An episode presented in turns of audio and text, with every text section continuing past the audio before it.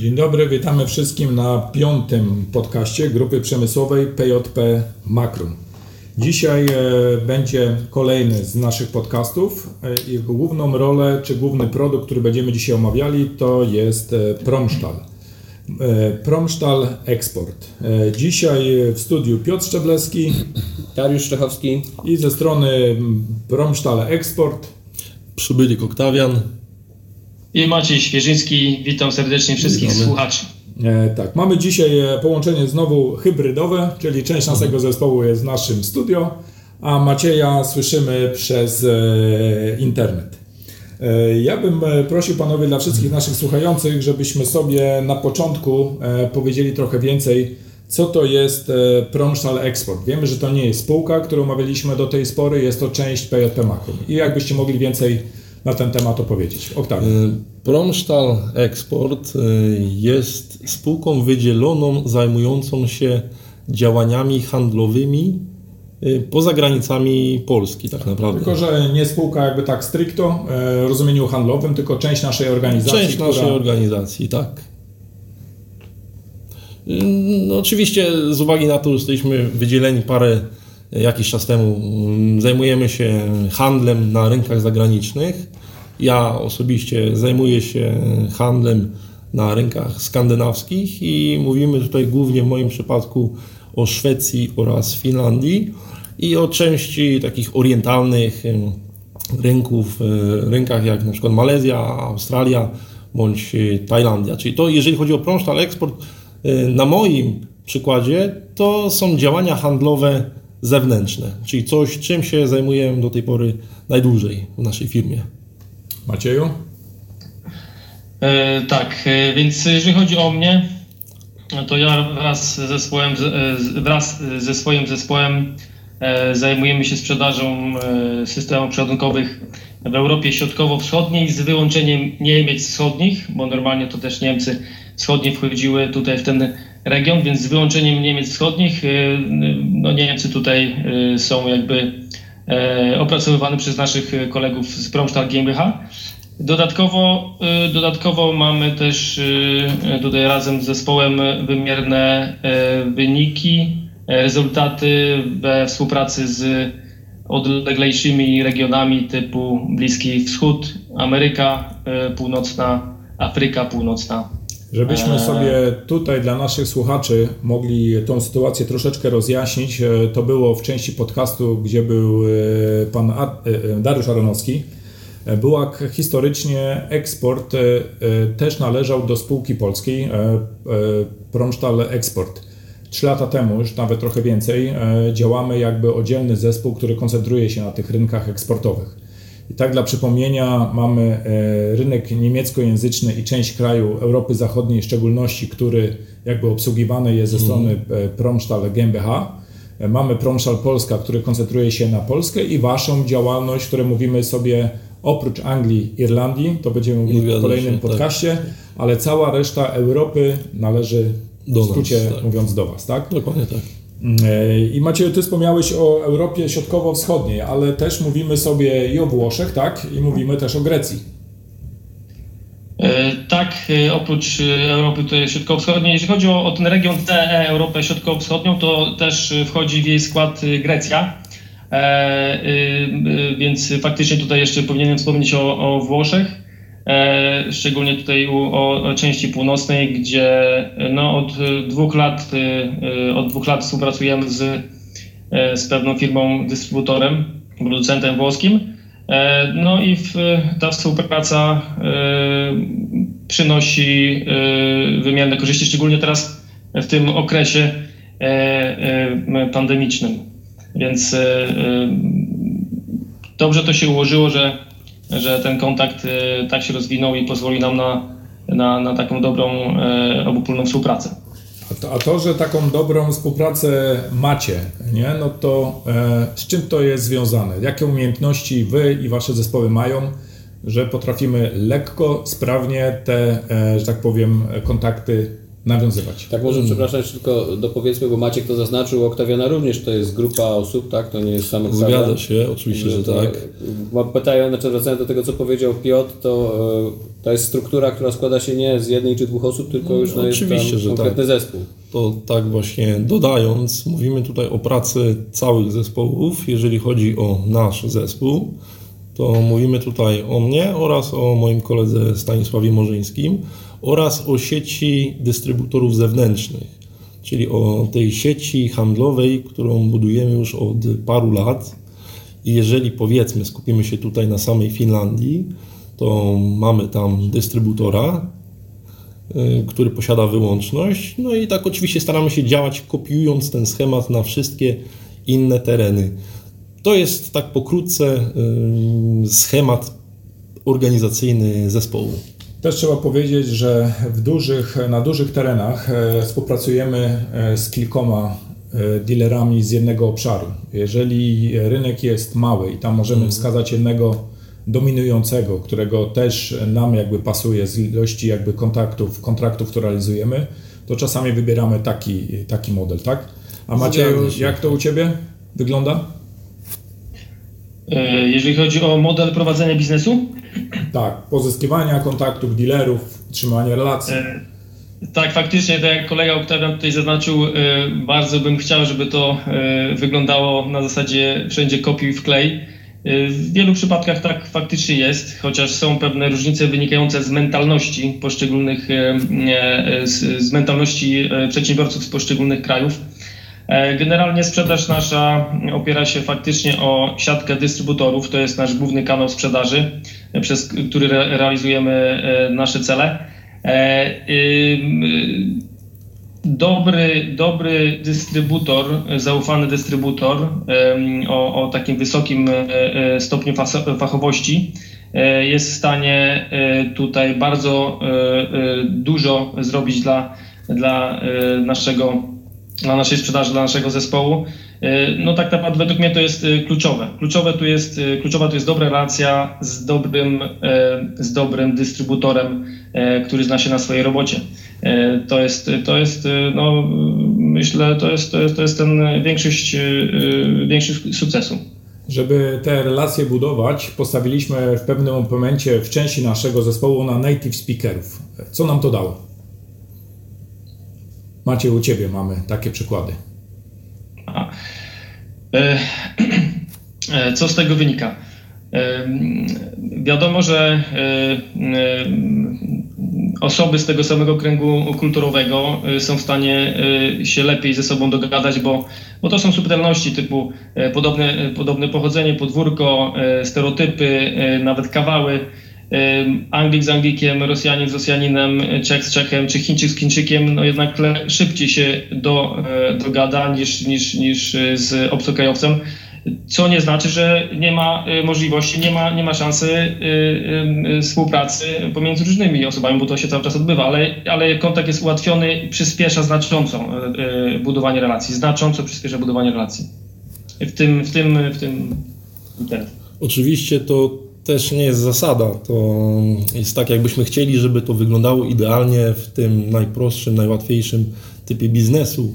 Posiadanie native speakera rzeczywiście może pomóc i tego się nie da wykluczyć. Ale w dzisiejszych czasach, według mnie, wszyscy posiadamy, posiadamy doświadczenie z native speakerami.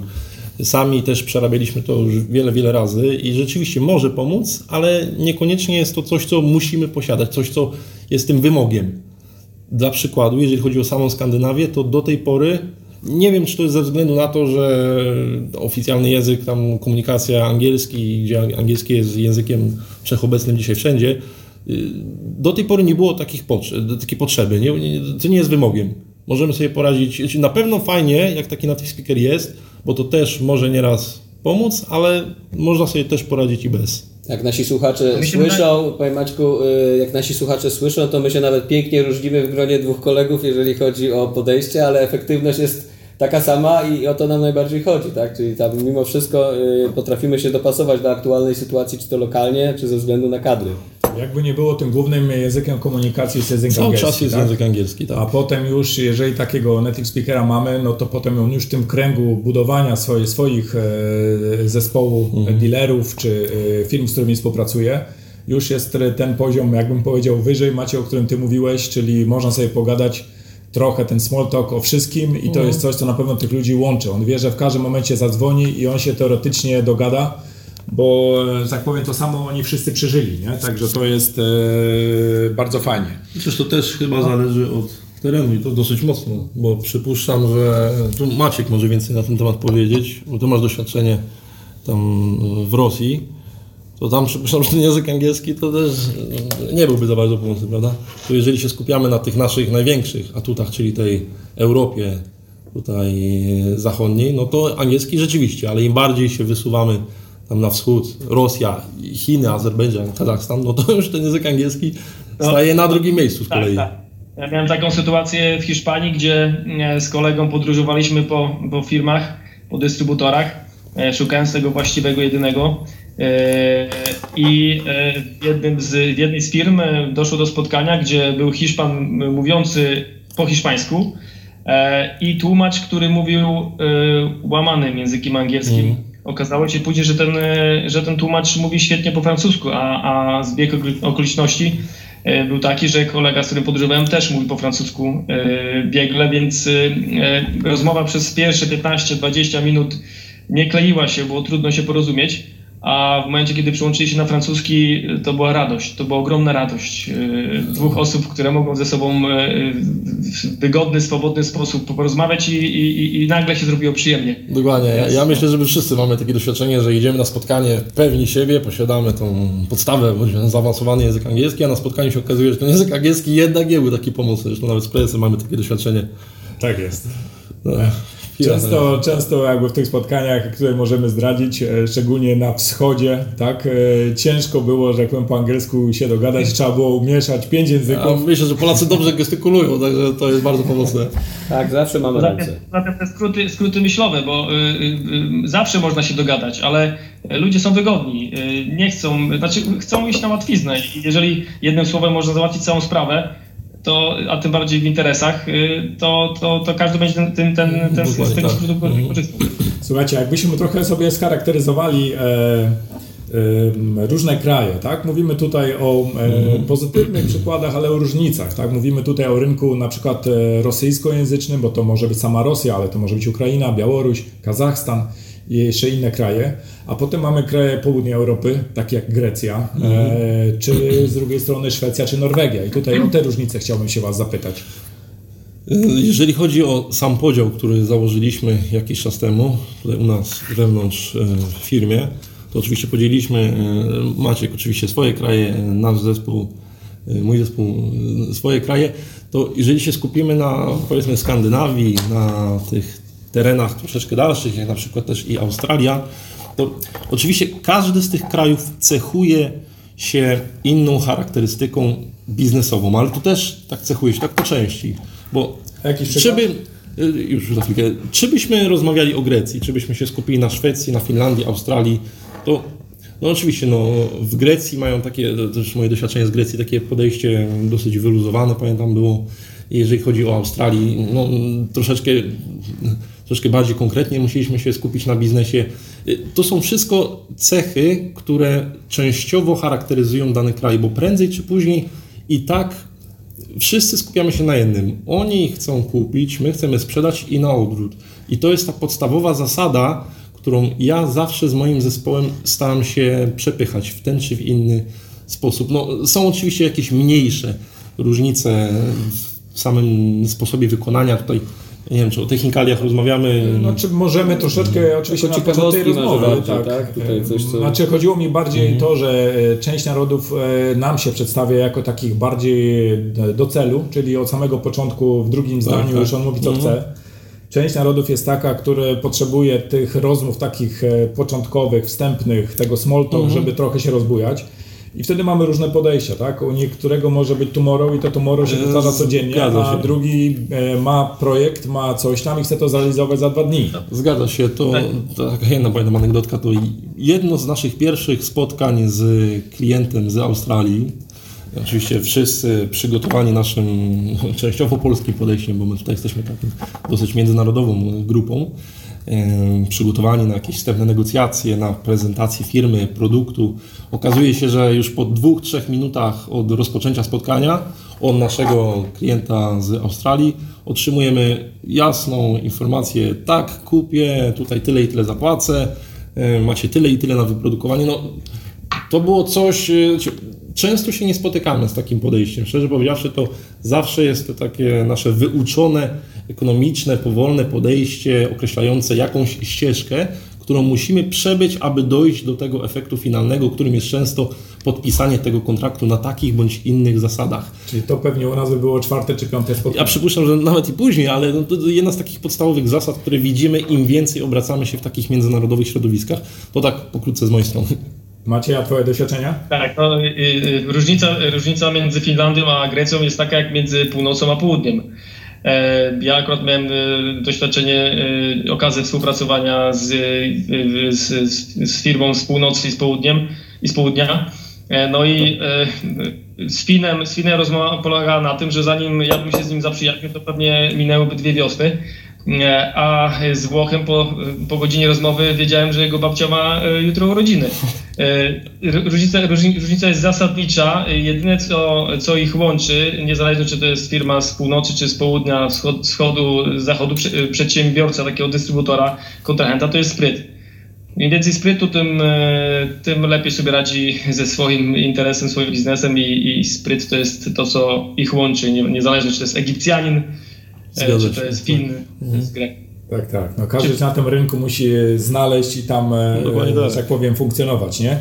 To jakbyście na dzisiaj określili, słuchajcie, potencjał e, rynku tego waszego, na którym e, jakby jesteście, jak on się według was e, kształtuje? No mamy e, nie dość, że rok 2020, tak jak to nagrywamy, właśnie informacja taka, że o tym sobie za chwilę trochę powiemy, że w Polsce Tak, tak, wprowadzamy tak. lockdown i ten lockdown gdzieś tam w poszczególnych krajach już e, obowiązuje.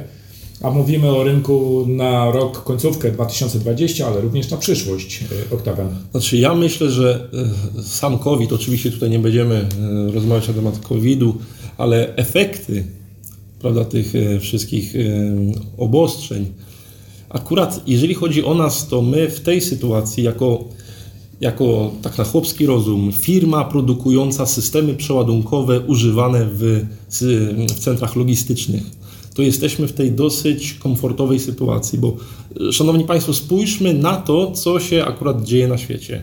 Ja z mojego doświadczenia mogę Państwu powiedzieć, że jak tylko była ta pierwsza fala tego lockdownu w Polsce, to dwa czy trzy tygodnie po tym, jak e, ten lockdown został ogłoszony, ja automatycznie dostałem propozycję od mojego dostawcy internetu na podwyższenie prędkości przesyłu. Czyli to pokazuje, że ten internet i to wszystko, co idzie związane z cyfryzacją, jest tym następnym kierunkiem, tym efektem tych działań, które teraz następują. Czyli jeżeli mówimy, mówimy o internecie, o rozwoju e, przesyłu, prędkości, ludzie cały czas dokonują zakupów. Czyli chcesz powiedzieć, czym szybszy internet, Czym więcej sprzedajemy. internet, tym, no też dobrze by tak było, jakbyśmy tak to mogli określić. Ale branże logistyczno-dystrybucyjne, centra dystrybucyjne, branża e-commerce jest to jedna z niewielu branż, która się naprawdę ogromnie rozwija. I to widzimy, i to nie jest coś, co się będzie działo za jakiś czas. To jest coś, czego możemy doświadczyć teraz. Czyli to też nie jest sytuacja związana jakby z sytuacją, w której mamy lockdown, ale tym, jak, w którym kierunku to wszystko idzie, tak? Dokładnie Czyli tak. Pieniądz elektroniczny, Dokładnie tak. dostawy Tak, do tak. domu i tak dalej. się. No i fakt, że dotyczy to całego świata, bo w tej chwili to już trudno powiedzieć, że są jakieś Mhm. miejsca na mapie czy na globusie, gdzie ten internet by nie docierał. Tak? No, taka malutka ciekawostka jeszcze. Od 5-6 miesięcy ja wraz z moim zespołem widzimy ogromne powiększenie się ilości zapytań przybywających z takich terenów jak Malezja, Tajlandia oraz Japonia. Jak wiemy, Japonia, tu już wchodząc w cha- charakterystykę samego rynku, nie myślę, że nie mamy na to czasu, ale Japonia bardzo mocno inwestuje w branżę e-commerce. I inwestuje nie u siebie, a inwestuje właśnie w Tajlandii i w Malezji. I to jest coś, to jest y, takie odejście od standardowego toku pojmowania lockdownu. U nas w niektórych przypadkach ten lockdown pozwolił rozwinąć pewne części działań handlowych, a to tak pokrótce z mojej strony. Macie, a u Ciebie jak ta sytuacja, którą dzisiaj mamy, związana z epidemią koronawirusa, lockdown wpływa na relacje z e, klientami, dostawcami e, z Twojej strony? E, jak mówi chińskie powiedzenie, co nas nie zabije, to nas wzmocni, więc mam nadzieję, że ten knockdown, jak to określił jeden z naszych prezesów, nas wzmocni. No, kryzys, kryzys daje wiele możliwości E, i szans, a e, wracając do, do e-commerce, faktycznie no w Polsce 2019 rok to jest 50 miliardów e, złotych wartość rynku, 2019 rok, w 2020 ma to być 70 miliardów złotych. Nawet mówi się o 100. Jest, nawet mówi się o 100, bo efekt COVID-a podejrzewam, że tutaj zadziała. E, no, ktoś to musi przeładować, a na pewno tego nie zrobią e, muły czy osły, tylko muszą to być pomocy przeładunkowe. E, więc myślę, że tutaj akurat w przypadku faktycznie naszej branży to, to jesteśmy w dość komfortowej sytuacji, co nie znaczy, że musimy stracić czujność, bo no tak jak tutaj mówimy, no ten pierwszy knockdown to jeszcze był taki że każdy miał tą nadzieję na wakacje i na wiosnę i ciepłe dni, a tutaj zmierzamy w, w zimę.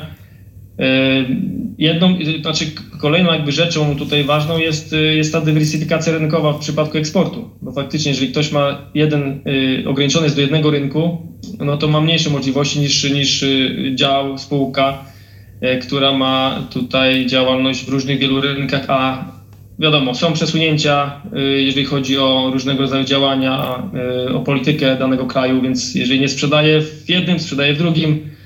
Tak jak w naszym przypadku, gdzie nagle się otwarza, otwiera Egipt, sprzedaliśmy do, e, niedawno do Kataru, już, już to płynie.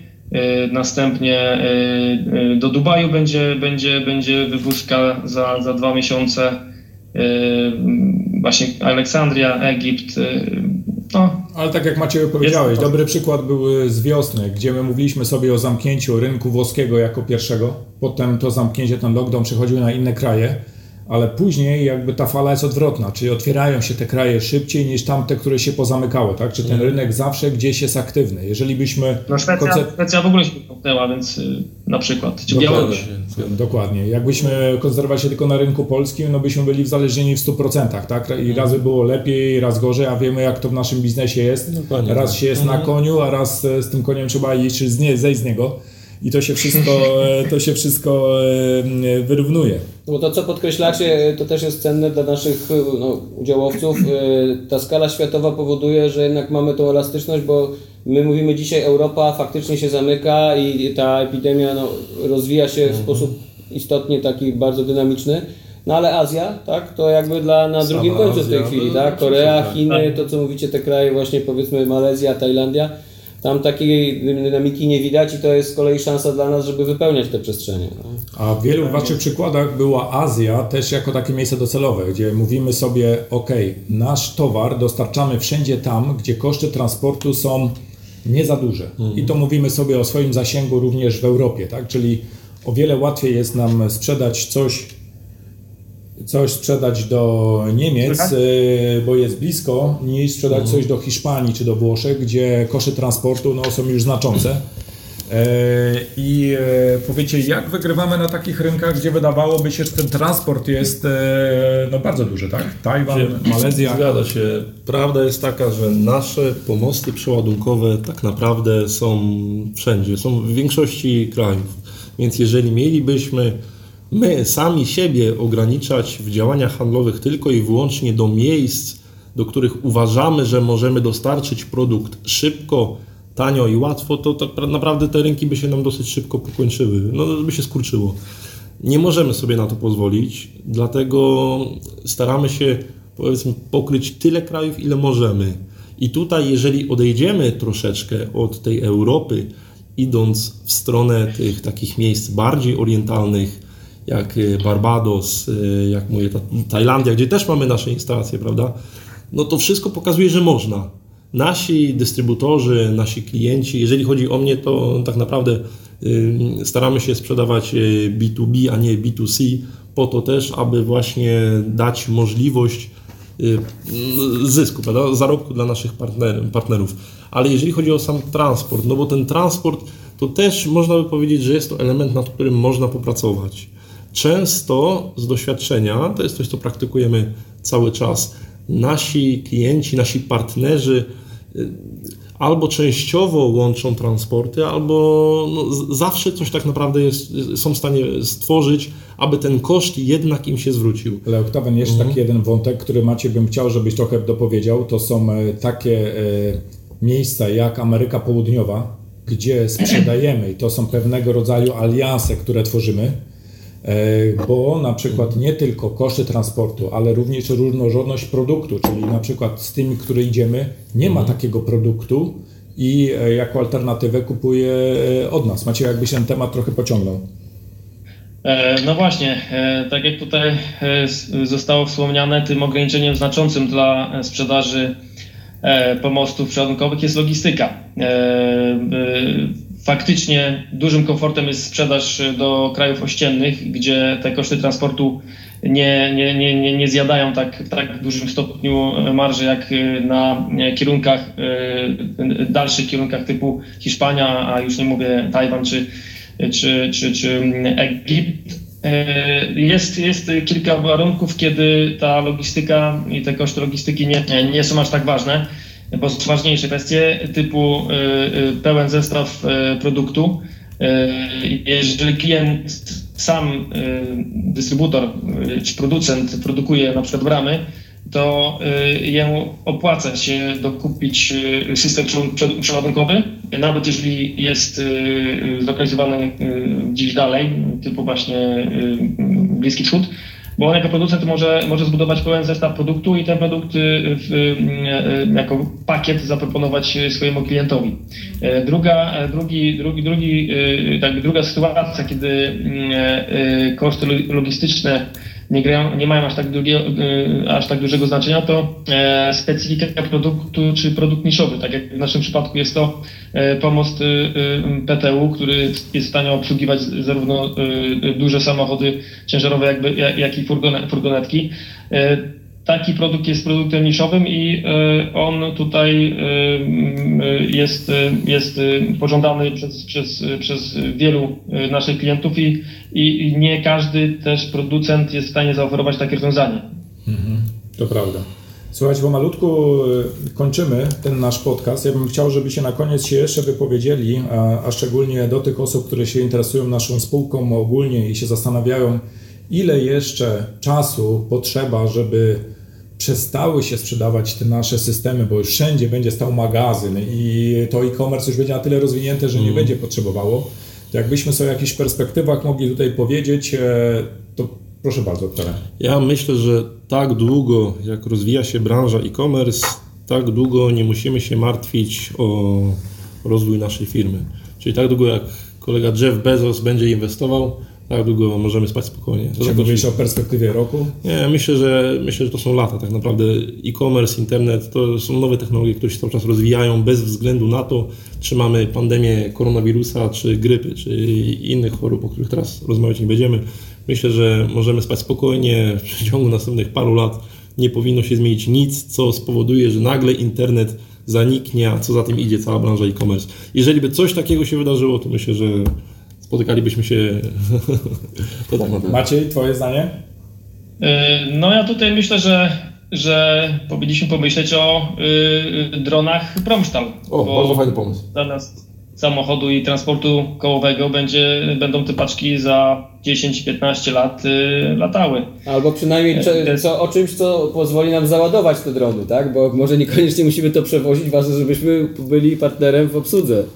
To może no jeszcze to, teleporter, tak, już jesteśmy w komplecie. E, tak, zobaczcie, te nasze produkty, patrząc od początku, one się rozwijały, tak? Mamy to mhm. dopasowane mniej więcej do potrzeb również naszych e, klientów, czy naszych dealerów, ale jeżeli to pójdzie w tym kierunku, Maciej, o którym mówisz, czy Octavian, no to prawdopodobnie trzeba będzie to e, w, w ten sposób zrobić.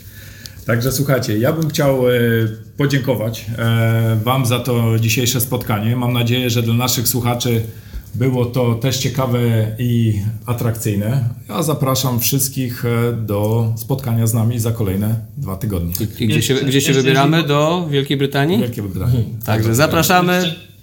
Tak, panie Maćku? Jeżeli mogę tylko dodać, no to mm, jeżeli to będzie na naszym, bo to będzie na naszym kanale, tak, grupy Immobile wstawione, to myślę, że jeżeli ktoś ma jakieś pytania, to w komentarzu niech po prostu wrzuci. Tak, oczywiście. Zachęcamy do komentowania, lajkowania, Tak, subskrypcji I subskrypcji. i, i tak dalej, ale No, oczywiście i polubień i będziemy na to odpowiadać e, w, w kolejnych, W kolejnych podcastach. odsłonach. Dziękujemy. Do usłyszenia. Dziękujemy, do Dziękuję widzenia. bardzo. Do widzenia.